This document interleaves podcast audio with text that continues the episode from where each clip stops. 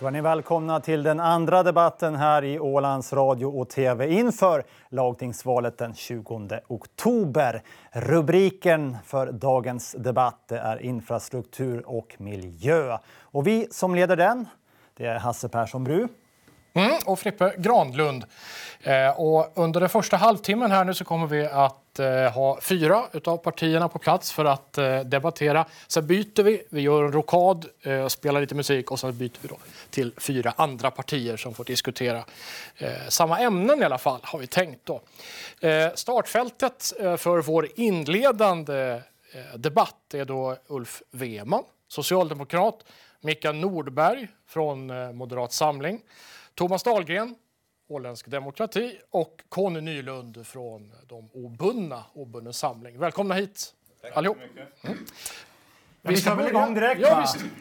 Mm. Eh, första ämnet ut eh, den här debatten det är alltså miljö med en touch också av klimat. Eh, vi börjar där. Det är ju dystra framtidsprognoser som FNs klimatpanel IPCC levererar. Den globala uppvärmningen har redan förändrat våra ekosystem framför allt på grund av tidigare och nuvarande koldioxidutsläpp. Haven är varmare, surare och inte lika produktiva. Isarna smälter och havsnivån höjs. Eh, Frågan till våra debattdeltagare här nu då. Vi kan köra handuppräckning. Delar ni de här dystra slutsatserna som FNs klimatpanel gör? Tre händer upp kan vi redovisa då för radiolyssnarna. Det är Ulf Weman, Mikael Nordberg och Conny Nylund. Kanske intressantast då att vända oss till eh, Åländsk demokrati och Thomas Dahlgren. Eh, hur ser du på frågan? Det var bara för att det inte räckte upp handen menar du? Va? Ja. Nej, grejen är ju den alltså att vi har en väldigt avvikande åsikt i den här, den här saken. Jag menar alltså att det finns ju ingen klimatkris. För det första måste man ju skilja på klimat och miljö. Det är väldigt, väldigt viktigt. För det andra så är ju då ända sedan 1972 så har ju FN skrikit om att om tio år så är den här fullkomliga krisen då och så vidare. Det finns i IPCC som vi pratar om, alltså inom, inom IPCC är alla forskare som är där då som man säger 97 procent, vilket det inte är. Så det finns ingen av dem som säger att vi står inför en klimatkris. Däremot så finns det lite bekymmer så och så vidare. Kan du ge din beskrivning av det du kallar lite bekymmer då? lite bekymmer det är alltså att jag menar att man ser ju då, ser ju då alltså, ser, hittar olika stormar och så vidare. Man försöker hitta på att, att eh, Eh, koldioxiden eh, då ser till att det blir varmare och så vidare, vilket det inte gör. Det, senast nu, kommer vi säga så om jag ska gå lite snabbt fram, så eh, 20 juli så släpptes det en rapport, en bomb som inte man har ta upp och det är då alltså att det är två irländska forskare som både empiriskt, båda sätten har bevisat att växthusgaser inte höjer temperaturen varken koldioxid eller växthusgaser. Och den tycker jag att ni ska ta upp. Två forskare eh, i ett ganska stort forskarfält då, eh, tycker Thomas Dahlgren att vi ska fästa större vikt vid. Eh, Ulf Weman, Socialdemokraterna, eh, delar ni den här uppfattningen? Nej, absolut inte. Alltså, vem ska man lita på om inte FNs klimatpanel? Ska man lita på diverse hemmagjorda experter eller, eller konspirationsteoretiker? Alltså faktum är ju att läget blir allvarligare. Här nyligen var det nu ett isflak som lossade lika stort som Skottland. Så att, eh, och det finns otaliga exempel på att det är en klimatkris, som vi kallar det så, på gång. Och att människan eh, är en stor del av den. Replik, Thomas Dahlgren. Ja, alltså, vi pratar om is här, men Antarktis har en all time high. Det har aldrig varit kallare där sen. Det har varit nu på 35 år. Isen växer så det knakar där uppe. Grönland växer också. Så att jag menar, vem man ska lyssna på så vet man nog inte riktigt på andra sidan heller. Personligen så kan vi ju titta ut genom fönstret och säga alltså att ingenting har egentligen hänt sedan 1975. Vi har ju fortfarande samma temperaturer runt om i världen. Haven har inte blivit höjts. Man pratade om 30 meter, sen gick man ner till 10 meter, sen har man gått ner till 5 meter. Och idag i Ålandstidningen så pratar vi om att det kanske blir 20 centimeter. Ni övriga som delar eh, slutsatserna från klimatpanelen här, då, hur, hur, ser ni på allvaret i den här frågan? Eh, Conny Nylund först. Eh, tack för ordet.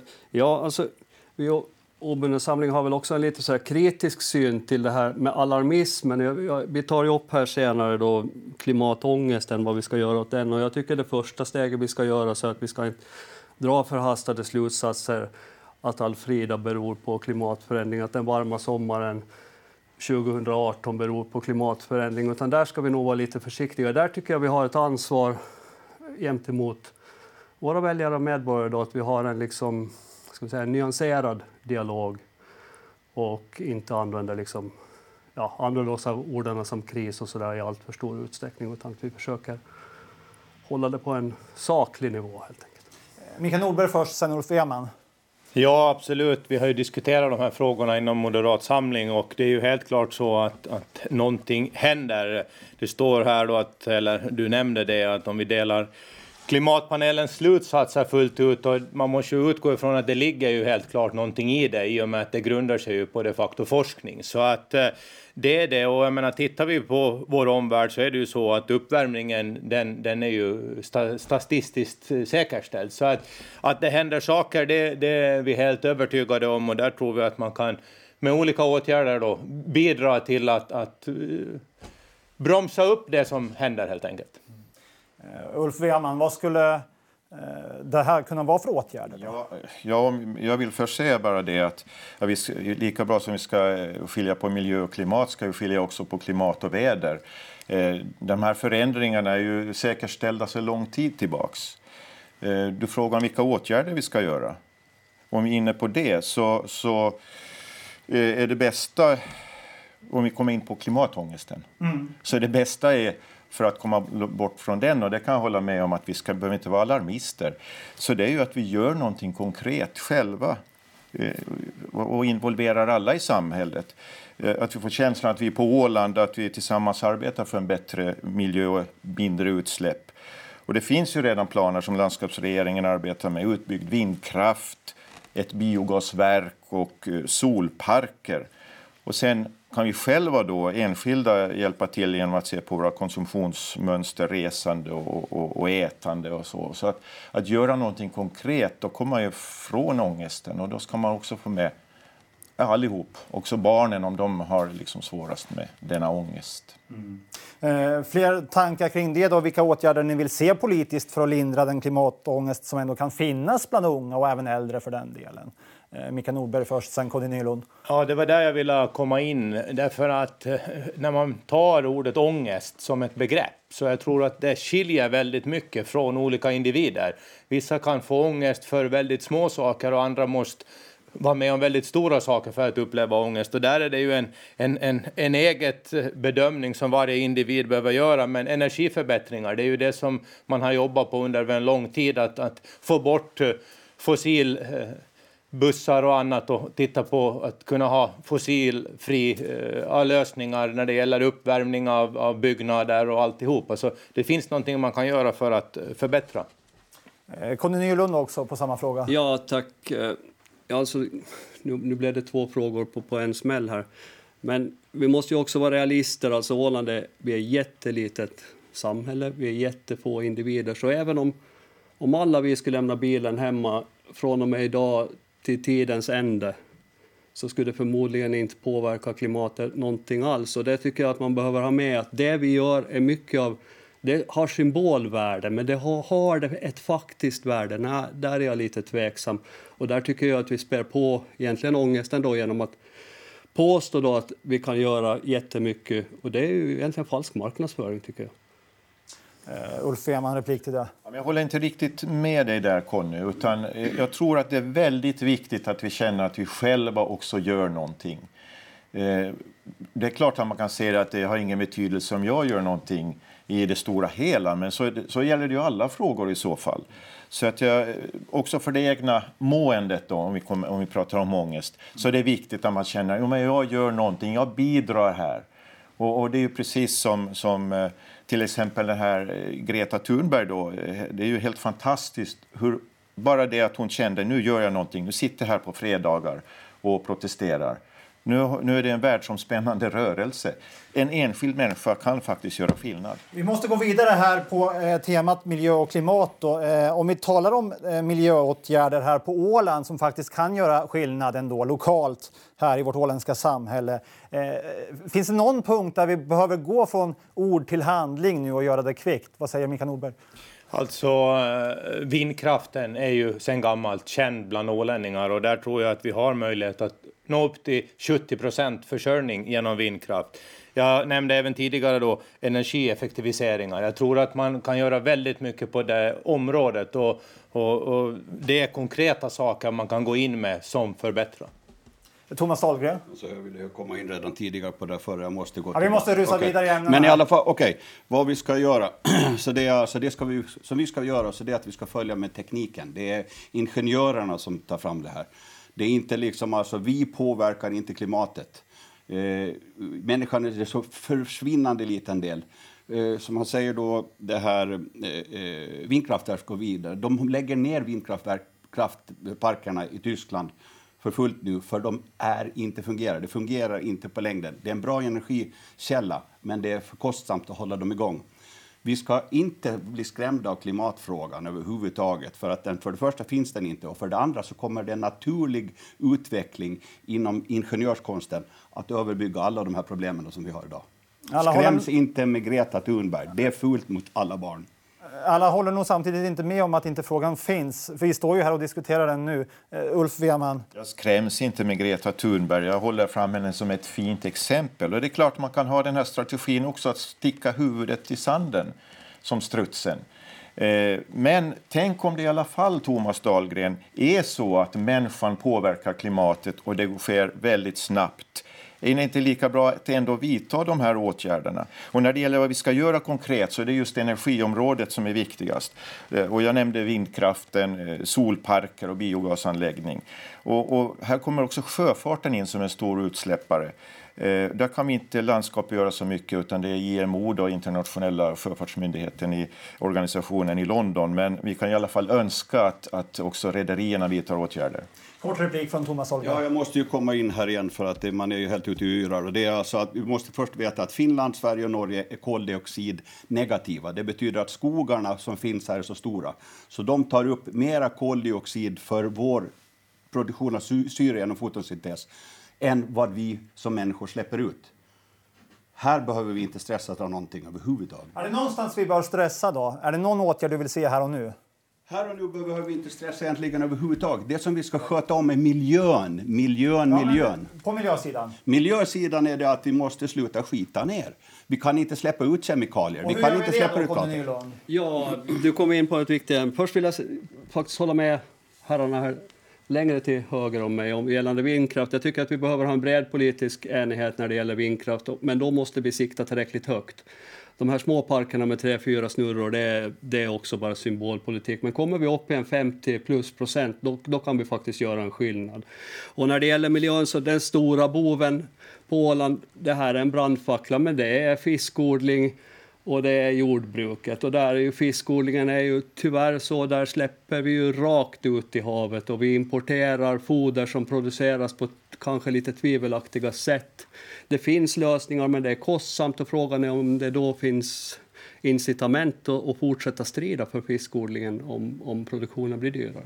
Vad säger Mikael Nordberg? Ja, det var ju det jag ville lite lyfta då med energieffektiviseringar så kan man ju också effektivisera de produktioner vi har när det gäller miljösatsningar. Och där tycker jag att man ska lyfta det landbaserade fiskodlingen som vi har i Eckerö. Det är ett utmärkt exempel på hur man kan fortsätta med en industri som ändå är viktig. Folk tycker om att äta fisk, men göra det på ett mer miljömässigt smart sätt. Så att jag tycker att igen, liksom, effektiviseringar och göra saker på ett annorlunda sätt behöver inte betyda att vi slutar med saker. Eh, finns det fler exempel på och göra på andra sätt? Ulf Jag vill bara nämna det här med fiskodlingarna. Alltså, vi socialdemokrater vill ju inte att, att man tillåter nya eh, investeringar som belastar havet. Eh, så, så en vi ser hellre, ja, den börjar komma upp på land, och, och, men det krävs ju mycket för att få det lönsamt. Och det ser man ju här i Eckerö, vad, vad mycket, många miljoner som har pumpats in. Så att, eh, men inga nya saker som belastar miljön. Eh, avslutande ord här nu då, eh, kort, Conny Nylund. En fråga då till Socialdemokraterna. Hur mycket får det kosta för att vi ska få ett hållbart producerat fiskfoder till de befintliga fiskodlingarna? Vi kanske behöver satsa på en egen pelletsfabrik eller det är någonting, ska vi bara liksom Ja, det är ju industrin det som, som bör vidta de åtgärderna. Sen om vi från, från landskapets sida kan komma in med något stöd så, så då är det ju bra. Om vi pratar om hur vi ska Finansiera det här, det kanske ja. kommer till senare, men, men ja, det hinner vi faktiskt inte. Det är en omställningsfond nu. på gång. Där piper klockan och det betyder att vi måste byta ämne.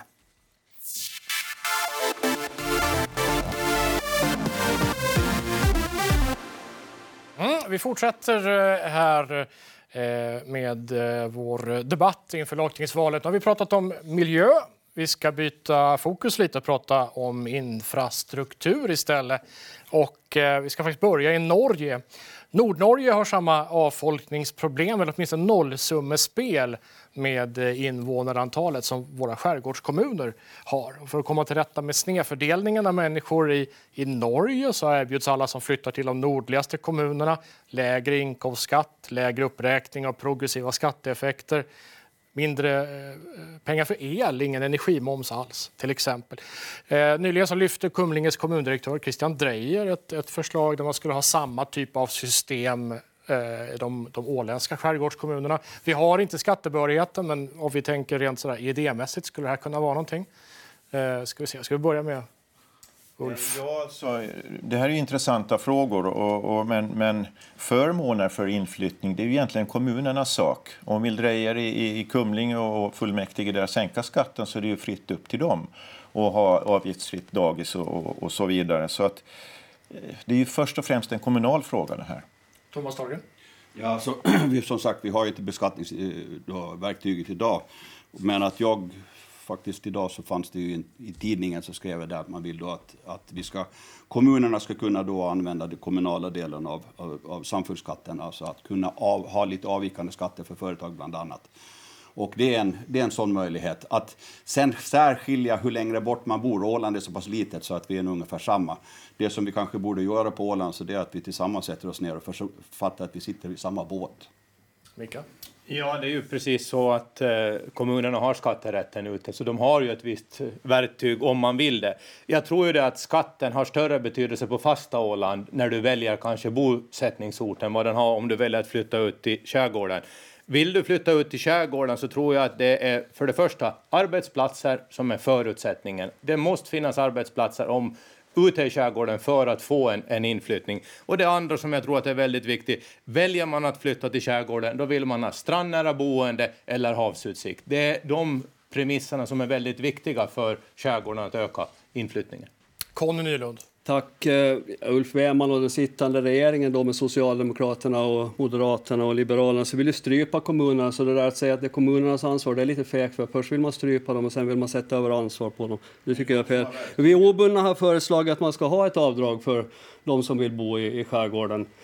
Hur storleken ska vara, det är sen en annan sak. Och, och, och att man borde ha en någon form av etableringsstöd för den som vill etablera ett företag. Idag finns det infrastruktur i form av fiber och så, så du kan sitta och jobba på distans precis var som helst utan att vara bunden till att bo på ett, på ett speciellt ställe. Sen tycker vi att man kanske borde då också i samma veva stifta en skärgårdslag som definierar vad är, vad är en skärgårdsbo. Det finns vissa definitioner och, och använder vi dem på Åland så är vi alla skärgårdsbor. Så att där tycker jag att är Vårdebor skärgårdsbor, ja i sådana fall borde de ju också ha de förmåner i form av skärgårdskort som, som hon hade tidigare. När vi, när vi bygger en tunnel till Fögle, är Fögleborna fortsättningsvis skärgårdsbor? Eller är de då fasta ålänningar? Har inte regeringen redan tagit itu med det? Vård är ju inte skärgård längre till exempel. Ja. Nej, okay. Vi går vidare. Eh, hörni. Eh, för tio år sedan så gick ju debatten hög kring bygget av en tunnel till Föglö. Ni kommer säkert ihåg det här. Den idén ledde ju inte till, till någonting alls egentligen. Och sen dess har ju då regeringen arbetat med eh, det här projektet som bygger på en bro, två nya hamnar och en elhybridfärja. Eh, hur ska vi ha det här egentligen? Ska vi ha en bro eller en tunnel? Och ska vi ha en elhybridfärja? Borde regeringen avbeställa den här snarast? Vi börjar, jag tror, det var lika snabba alla tre, eller fyra. Vi börjar med Ulf Weman. Ja, alltså Socialdemokraterna håller linjen och linjen här har varit att sänka driftskostnaderna för skärgårdstrafiken samtidigt som åtminstone nuvarande turtäthet behålls. Och, och, då har man sedan länge då utrett det här eh, med, med kortrutten. Att utreda en tunnel nu, det kostar 3 miljoner euro till. Plus att vi kan bli skadeståndsskyldiga med upp till 10 miljoner om vi bryter kontraktet. Det är alltså pengar bildligt talat i sjön. Och eh, dessutom så, så vet vi ju inte om vi ekonomiskt klarar en tunnel. Infrastrukturprojekten, hamnar, bro och vägar, de kan skrivas av på 40 år och den här färjan är avskriven på 16 år. Men en tunnel den kan inte avskrivas på så lång tid. Så att det är ett väldigt osäkert projekt. Och nu har vi kommit så här långt så jag tycker att här måste vi hålla linjen. Mm. Mikael Nordberg? Ja, jag roade mig faktiskt lite igår kväll med att titta på media och skrev in ordet tunnel på olika medieplattformar och, och såg de artiklar som finns. Så det är ju spaltkilometer med, med artiklar om de här frågorna. Det som landskapsregeringen har jobbat med under den här mandatperioden är ju att verkställa det kortrutsprogram som tre regeringar tidigare har tagit fram och verkställt. När det gäller då utbyggnaden av bro till Grip och en ny färja så ser vi det som steg nummer ett inom Moderaterna. Steg två i framtiden är det att du möjliggör en tunnel som de facto blir kortare, den blir billigare att bygga. Så utifrån det så tycker jag att vi är på absolut rätt väg när det gäller att förverkliga någonting som vi har jobbat med under en väldigt lång tid. Thomas Dahlgren. Ja, så det första man måste fundera på är alltså, varför bygger man vägar, broar och tunnlar? Jo, det är ju för att knyta ihop ålänningarna eller samhällen, eller människor samhällen. Och redan då 1959 så Algot Johansson hade tal till ålänningarna där han sa det då alltså att framtidssagan Åland beror på hur mycket man kan knyta ihop Ålandsöarna.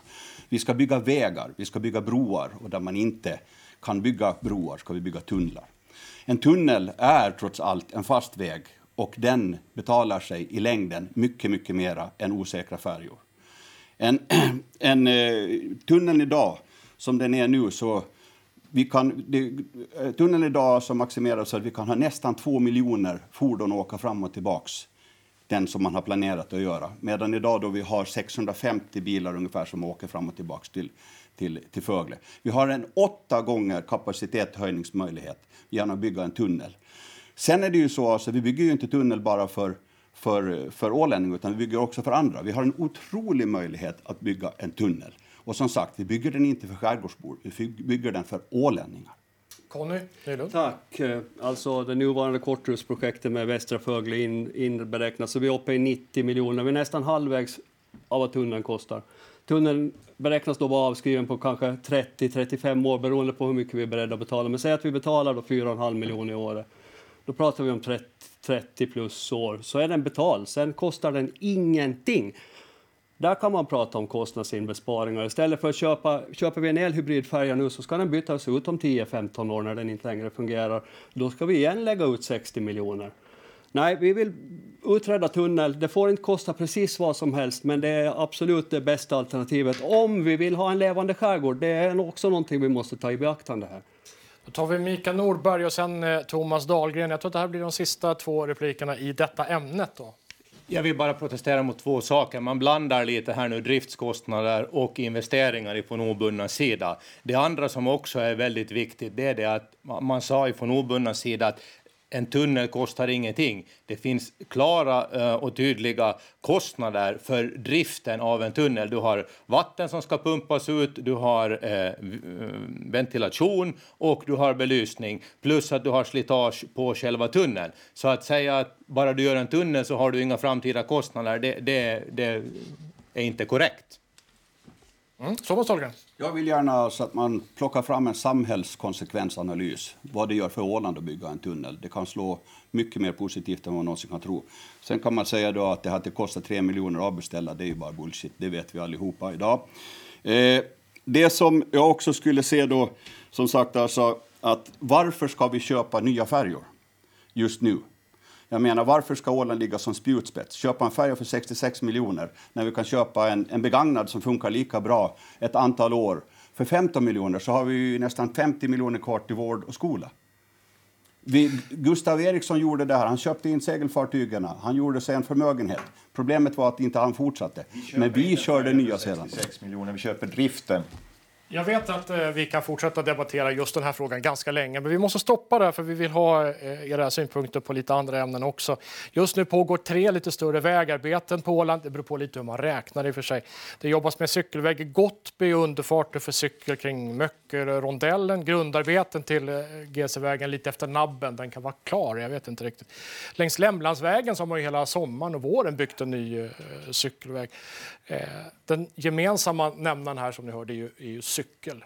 Gör man rätt Eh, som använder allmänna pengar på det sättet? Nu börjar vi med Ulf Weman för han var först. Ja, definitivt används de här pengarna rätt. Det handlar om folkhälsa, det handlar om miljö. Och nu efter att den här GC-banan då mellan Söderby och Lemströms kanal blev klar i somras så då börjar min fru pendla till jobbet med en elcykel som hon köpte i våras.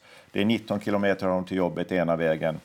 Och eh, hon bara älskar det. Och jag själv har också åkt den här vägen med att låna hennes elcykel och tänker köpa en själv. Och vi vill, inom Socialdemokraterna så vill vi införa en premie för köp av elcykel hos en lokal handlare. Så att, och det höjer livskvaliteten i de här byarna där man får en, en, en gång och cykelväg. Man ser nu små barn som cyklar till skolan längs Lämlandsvägen på gång och cykelbanan och de får hälsa på varandra och på ett mycket säkrare sätt. Tidigare gick det ju överhuvudtaget inte. Jag får stoppa det där. Vi har två och en halv minut kvar exakt. Conny Nylund var här.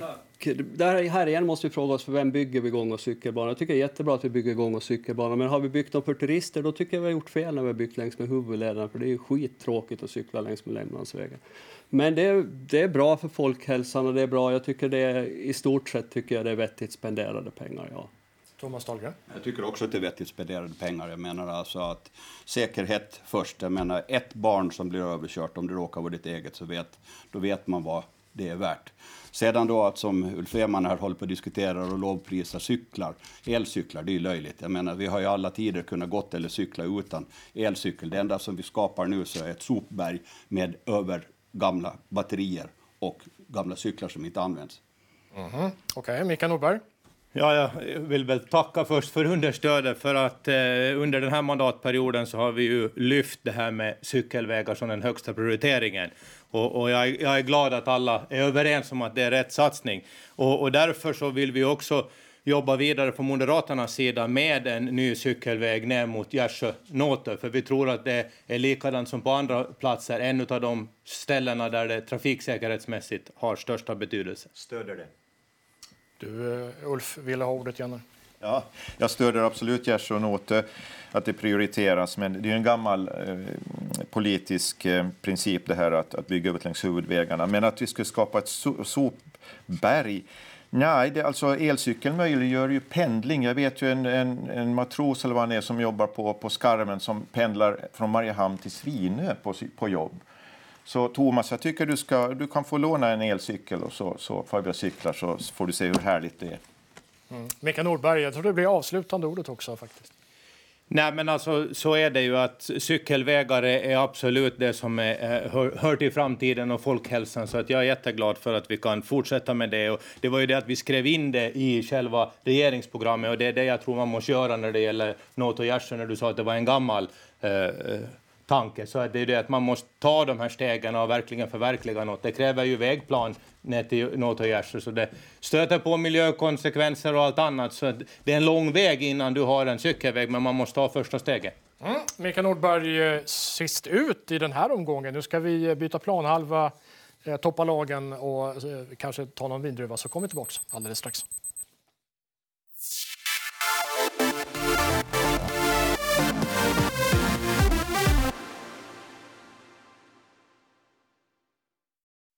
Sometimes it feels like it's meant to be broken. Sometimes we long for the unspoken. We try to avoid every commotion by showing hardly any emotion. Sometimes it seems we're at the wrong station, looking for a deadly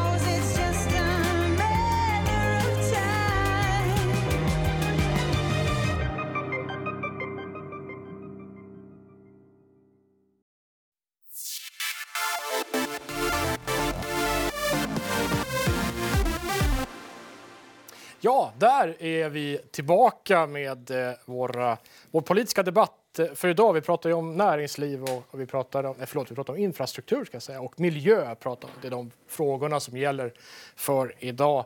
Vi har eh, skifflat om lite bland deltagarna. Nu har vi Ingrid Zetterman från Liberalerna. Vi har Brage Eklund, Ålands framtid. Jörgen Pettersson, Centerpartiet och Dan Jansén från Hållbart initiativ. Välkomna! Tack, tack. Mm.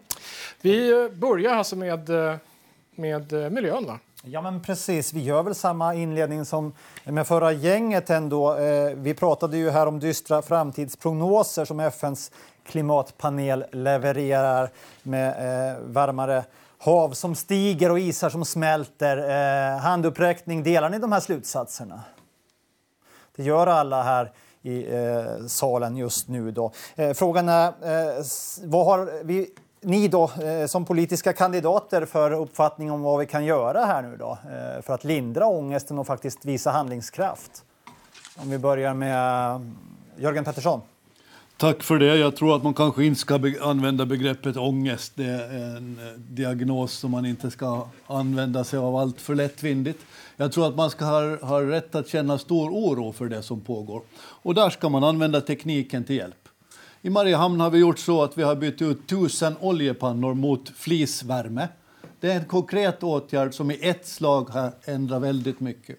Vi har fixat landström till Rosella som har sparat eh, tre, eh, 2000 ton koldioxidutsläpp varje år. Det motsvarar 800 Thailandresor eller 800 personbilar. Det där är teknisk hjälp med vilken man har gjort faktiskt jättestora framsteg. Och i det ögonblicket som vi har byggt en tunnel till Fögle så har vi verkligen gjort precis allt vad vi kan för att minska koldioxidutsläppen i atmosfären. Och då har vi gjort det som FN kräver. Och det har jag på känn att vi återkommer till lite senare göra. kanske. Då. Eh, jaha, tekniska framsteg. Eh, Ingrid Zetterman, vad kan vi göra mer? Ja, men jag delar Jörgens syn på det här, att vi behöver göra det som ger mest pang för pengarna. Jag tycker att det är dags att lämna symbolpolitiken därhen. Jag ser också de här stora infrastrukturella satsningarna som viktigt. Där pratar vi skärgårdstrafiken, vi pratar om fortsatta satsningar på vind och solenergi. Vi pratar om biogasanläggningen som förhoppningsvis kommer att byggas också en bra avsättning av den slutprodukten. Och vi från Liberalerna vill ju också överta fordonsbeskattningen för att kunna göra en grön skatteväxling. Eh, vad eh, säger Dan Jansén, Hållbart initiativ? Ja, vi från Hållbarhetsinitiativ tycker att vi måste börja göra saker nu. Det, det är mycket på planeringen, och, men mer måste göras och då behöver vi också involvera ungdomar, för det handlar ju om deras ångest också. Men ge dem hopp genom att börja göra saker.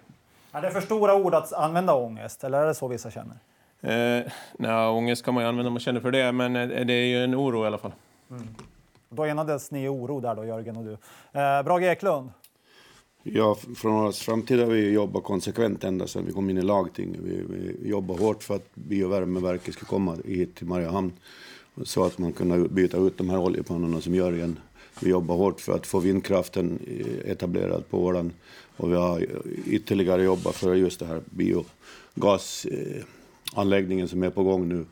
Så eh, jag skulle säga att Ålands framtid ligger i framkant hela tiden när det gäller insatser för att förbättra miljön.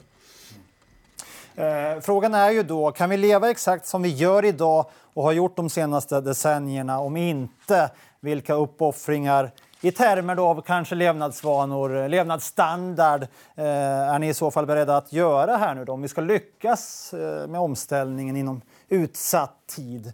Ingrid Zetterman var först här.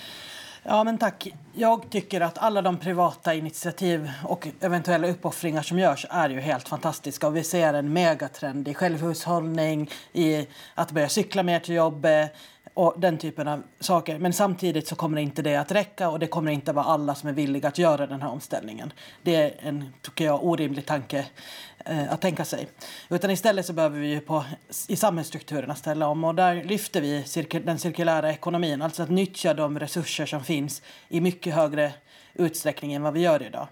Återanvända, eh, se vilka, vilken typ av avfall som produceras i olika led, kan vi göra någonting av det?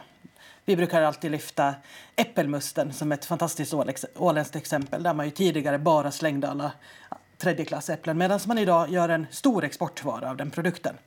Den här typen av nya företag behöver vi se och vi behöver också titta på hur vi kan researchera om vattenförbrukningar och energiförbrukning. Eh, något måste vi väl ändå offra av det vi idag tar för givet om vi ska eh, bli bättre här. Vad säger Jörgen? Om man vill vara konkret och verkligen göra en skillnad på egen hand så ska man låta bli att köpa så mycket nya kläder. Det är det enklaste sättet att faktiskt hjälpa till med alltihopa. Och varför just kläder då? För att det är den enskilt största källan till föroreningar i hela världen, klädindustrin som sådan. Och den behöver man inte understöda så väldigt mycket. Man klarar sig bra genom att köpa bara vartannat plagg istället för varje som man skulle vilja ha. Och det skulle direkt göra en skillnad. Det skulle dessutom göra att pengarna skulle stanna på Åland för man kunde använda de pengarna man idag använder till kläder man aldrig bär till att köpa nyttig mat till exempel, gärna närodlad. Ja, det var ett handfast tips. Finns det fler sådana? Vad säger Dan Jansén? Vi behöver ju liksom som människor och politiker gå före lite. Om vi tror att vi kan fortsätta med business as usual så då är vi på helt fel spår. För det kommer vi inte att kunna göra. Det första steget är att vi blir lite mer medvetna om vad vi håller på med. För då kommer man börja fundera på kläder och så vidare som gör det gör och så, så, här, så att man börjar förstå vad det handlar om. Eh, Brage Eklund? Ja, det handlar om medvetenheten i vardagen, alltså vad du handlar och vad du eh, eh, förbrukar för kläder och, och, och framför allt mat. Vi, vi, all import som kommer idag i matväg så eh, och då ska man ju äntligen utnyttja det som vi kan producera här själva i första hand i offentliga kök och allt sånt här så, så måste man ställa krav äntligen från samhälle och kommuner och, och landskapet att man förbrukar närproducerade produkter. Eh, vilka mål ska då Åland ha när det kommer till andelen förnyelsebar energi? Eh, vilken tidtabell vill ni se och hur ska vi nå dit? Jag vet att det här är en fråga som det diskuteras också nu. Dan Jansén? Ja, inom hållbarhetsinitiativ så tycker vi att man behöver spara i första hand och sen fundera på vilken nivå man, man ska ha den här förnyelsebara. Det är mycket enklare om vi har massor lite förnyelsebart nu, sparar vi 50 procent så ökar vi, dubblar vi den mängden. Men eh, den tidtabellen som vi har förespråkat kommer att finnas i klimatlagen så att man får ordning på det här. Ni vill stifta en klimatlag. Eh, varför? Enligt modell från England där man har en klimatlag sedan 2008 och sen Sverige från 2012 tror jag. Så det finns redan på andra ställen som, för då har man någonting att följa. Eh, och vad ska ingå i den om du drar huvuddragen? Eh, hur mycket vi ska minska våra utsläpp för att komma till den hållbara nivån. Och de värdena har inte du idag? Eh, hur menar du? Eh, alltså vad, vilka värden, vilka mål är det som ska Som klimatlagen ska Nej, de värdena har inte jag, kan inte jag slå fast så här nu heller, utan det, det finns ju forskning på det, Mm. vad man ska nå till. Ja, men vad säger ni andra då? Hur, hur ambitiösa mål ska vi ha? Brage Eklund? Ja, målen kommer undan för undan automatiskt i och med att ny teknik kommer. Och det, och det är ju framför allt det här Eh, solceller och eh, vindkraft och allt det här som har en naturlig förutsättning att utnyttja. Alltså att göra stora investeringar för att vinna eh, några procent i, i, i klimatmålen, det tror jag inte på. Utan då är det sån här biogas, vindkraft, solceller, vattenbruk, alltså använda, återanvända till exempel det som kommer uppifrån istället för att, att liksom låta det gå ut i, i, i, ja, i naturen igen, i dräneringssystemet och ut till marken eller ut till andra vattendrag. Tänk om man kunde återvända regnvattnet på ett förnuftigt sätt. Mm. Eh, ja, hur ska vi nå till eh, de här målen då med att Åland använder enbart förnyelsebar energi? Vad är vägen dit, Ingrid Zetterman? Nej, men eh, jag, tycker, jag är lite inne på det som Brage nämner här. Alltså, vi behöver minska vår förbrukning. Daniel Sen pratar också om det. Vi kommer att troligtvis att öka mer, e, använda mer el i framtiden med tanke på att mycket av vår tekniska utveckling går mot elförbrukning. Men samtidigt måste vi minska på de här stora energikällorna och där är till exempel vattenförbrukningen en sak. Brage frågar sig varför vi inte använder regnvattnet. Jag frågar mig varför använder vi inte vatten som Lotsbroverket pumpar ut istället för att rena nytt vatten hela tiden. Eh, jag stödjer också, och vi stödjer från Liberalerna tanken om en klimatlag och vi pratar om att vi vill ha ett 100% fossilfritt eh, energiproduktion på Åland år 2030. Jörgen Pettersson? Jag vill nog komplicera frågan lite mer än att bara säga rätt ja till en klimatlag. Eftersom det finns någonting som är viktigare för Åland än egentligen det mesta och det är vår konkurrenskraft. Vi måste se till att vi fortsättningsvis kan hålla folk med arbete. Vi måste se till att vi kan odla sådana saker som vi kan sälja för att skapa importintäkter. Och man, kan, man måste tänka både klimatmål och konkurrenskraft samtidigt. För i det ögonblicket man släpper konkurrenskraften så kan vi kanske bli världens renaste arv, eh, samhälle.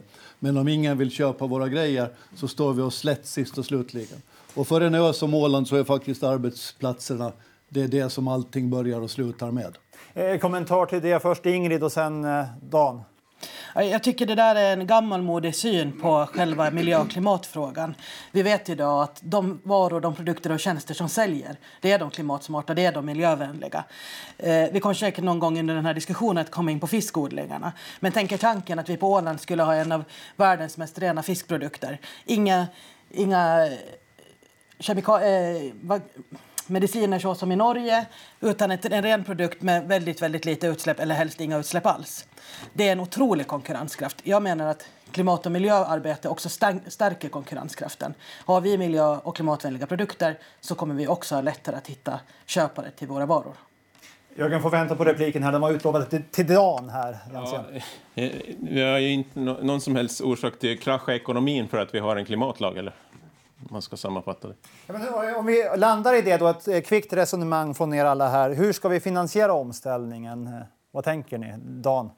Ja, vi har det här förslaget i vårt partiprogram att man ska, ska ha omställningsobligationer, åländska omställningsobligationer som ska finansiera det här. För då får vi vinsten själva istället för att bankerna tar vinsten. Eh, Jörgen Pettersson? Jag ville tillägga, för det är viktigt. Eh, Ingrid Zetterman säger att vi ska kämpa mot att ha världens renaste fisk. Vi har världens renaste fisk. Vi producerar idag en av världens renaste fiskar. Men under de regler som den nuvarande landskapsregeringen har satt upp så har man gjort det svårare för fiskodlare att odla miljövänlig mat istället för att göra det lättare. Jag tycker att man ska, och i vårt parti, Centern, så strävar vi mot att skapa en sådan lag som möjliggör produktion av världens renaste fisk för att sälja den och skapa arbetsplatser hemma. För Det eller handlar om emot arbetsplatser. omställningsobligationer då? Jag tror inte att man ska låna pengar Emot för det, att... alltså. Vi går vidare till Brage. Ja, jag vet inte innebörden i sista slutligen, vad det kommer, hur, hur det ska finansieras och upplägget i det där. Så i, det här skedet är jag ju emot det alltså, men, men det, det kan man presentera en, en förnuftig tanke i det där så då, då måste man ju ompröva möjligtvis. Men eh, just nu tror jag inte absolut på det. Och en sak till som man behöver beakta när det gäller miljön, så det som är viktigast för Åland egentligen, i vårt färskvatten som vi ska ta vara på. Slutorden går till Ingrid Johansson. Eh, förlåt, det hette du förut. Ingrid Zetterman. Eh, Ja. Eh, kort, kort.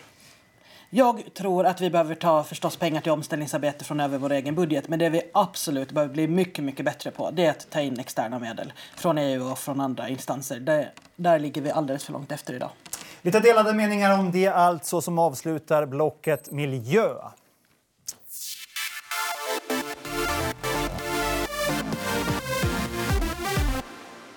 Vi eh, fortsätter med samma laguppställning, men vi byter ämne.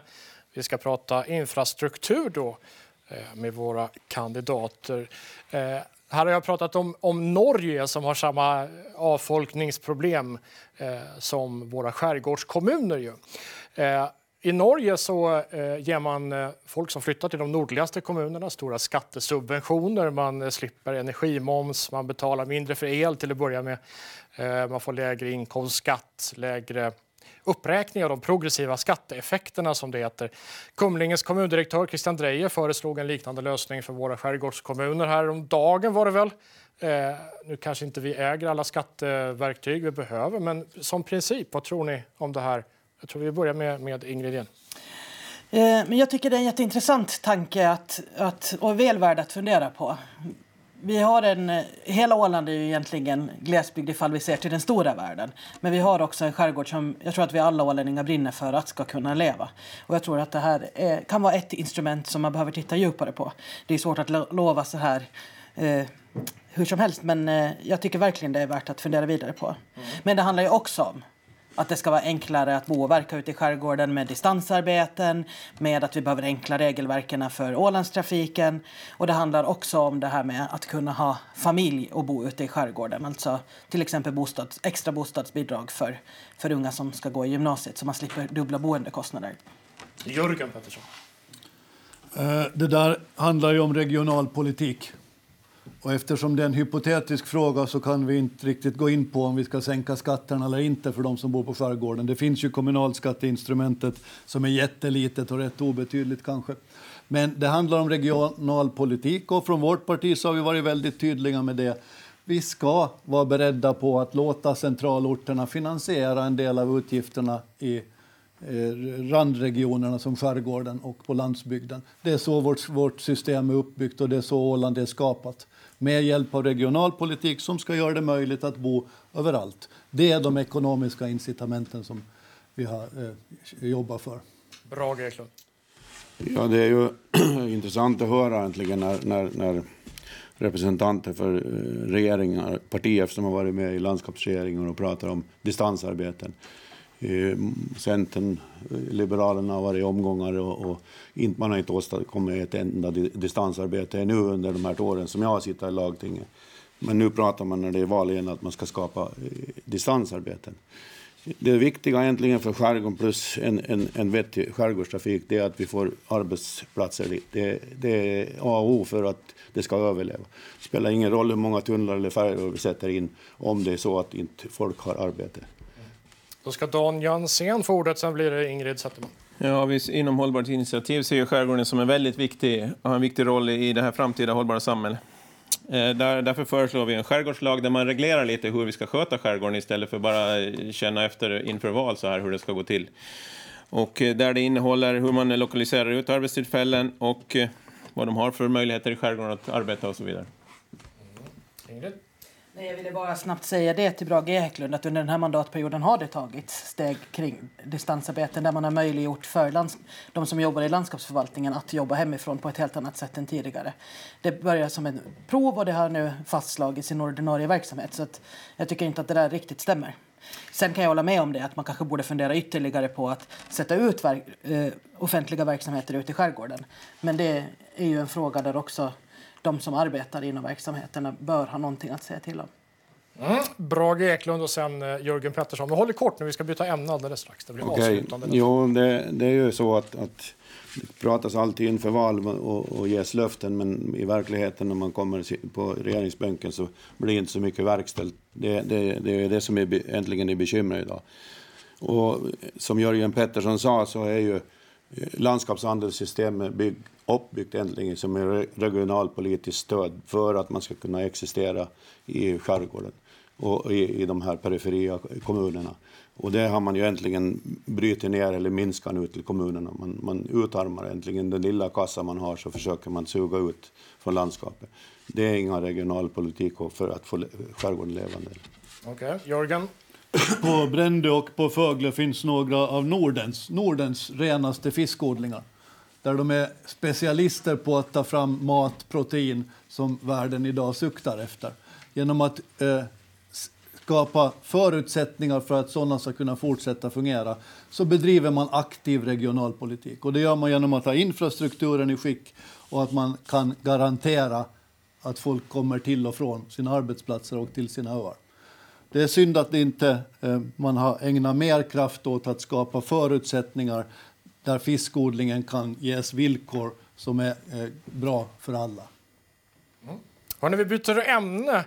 Eh, skärgårdskommunen Föglö har eh, stått i centrum för eh, ja, mycket av all nyhetsbevakning i alla fall. Just därför att eh, ja, först skulle man bygga en eh, tunnel, sen skulle man inte bygga någon tunnel. Sen skulle det bli eh, en bro istället i Gripe. Och det skulle bli två nya hamnar och man skulle bygga ut på Östra Fögle. Och, ja, där någonstans är regeringen idag. Då, hur ska vi ha det egentligen? Ska vi ha en tunnel eller ska vi ha en bro? Eller vad, hur ska vi göra? Eh, jag tror att eh, Jörgen var först här. Tack för den frågan. Jag tror att det är till, den, lösningen till problemet är att anlägga en tunnel mellan eh, eh Svinö och Degerby. Skälet är följande. Det är mycket pengar på en gång, men utslaget på många år så är det billigare än att fortsätta med nödlösningar i form, form av färjor. Så enkelt är det. Så sent som den här veckan så har det varit en upphandlingsexpert här på Åland som har inför en stor mängd ålänningar berättat om hur man ska göra en sån här partnering, upphandling. Och där vet vi det att ett privat bolag har tagit fram och serverar på silverfat en utredning till landskapsregeringen där vi vet att en upphandling så kan egentligen påbörjas före jul. Så mycket är klart och utrett och det finns faktiskt inte så mycket flera frågor. Det är verkligen bara att börja. Så vitt att man vill skapa trygghet för Fögle och för övriga skärgården som vill att man ska skapa förutsättningar för turism och fiskodling och vad det nu är, industri, arbetsplatser. Tunnel är lösningen. Då har vi Dan Jansén och sen eh, Ingrid eh, Zetterman och så Brage Eklund. Eh, om man nu kan, vi vill ju att det ska utredas och stödja det här tunnelalternativet. Det utreds grund, grundligt och att för att eh, vi vill ju gärna att det går till, till Degerby så att man inte tar livet av hela, hela Degerby och butik och alltihop det här. Det är socialt ohållbart att göra så. Eh, under tiden kanske man skulle kunna tänka sig att ha två stycken eh, lite mindre hybridfärjor istället för skarven som, som skulle köra mycket billigare och mindre. Medan man eh, bygger tunneln klar, för då kan de flyttas till andra linjer sen. Så att det skulle vara en flexibel lösning som man skulle komma vidare med hela alltihop. Mm Ingrid? Ja, tack. Vi har också i vårt valprogram att vi tycker att en tunnel är ett intressant alternativ. Eh, däremot så tycker jag att det är viktigt att också vi moderniserar skärgårdstonnaget. Vi ser att det finns behov av nytt tonnage i sig och vi ser också ett behov av att det behöver vara mer klimatsmart. Gällande tunneln så kan man ju konstatera det att det finns en mängd olika diskussioner och jag måste säga att det, det är snudd på oärligt tycker jag när Jörgen Pettersson står här och säger att en upphandling kan vara klar före jul. Alltså vi vet alla vilken typ av upphandlingsprocess det måste göras för att kunna ta in anbud på en sån här stor apparat. Det handlar om en EU-upphandling som kräver sitt underlag och också undervärdet, ekonomiska värdet av de utredningar som har gjorts är så pass stora att de förstås måste upphandlas. Landskapsregeringen kan ju inte bara ta in en privat entreprenörs färdiga utredningsmaterial och det vet Jörgen Pettersson men det låter väldigt bra för honom att säga motsatsen här. Och jag vill också säga det att jag tror att många i den politiska sfären är rädd för vad som kommer att hända. Vi har Hållbart initiativ, säger att man bara är med ifall det håller sig inom hållbarhetsprinciperna.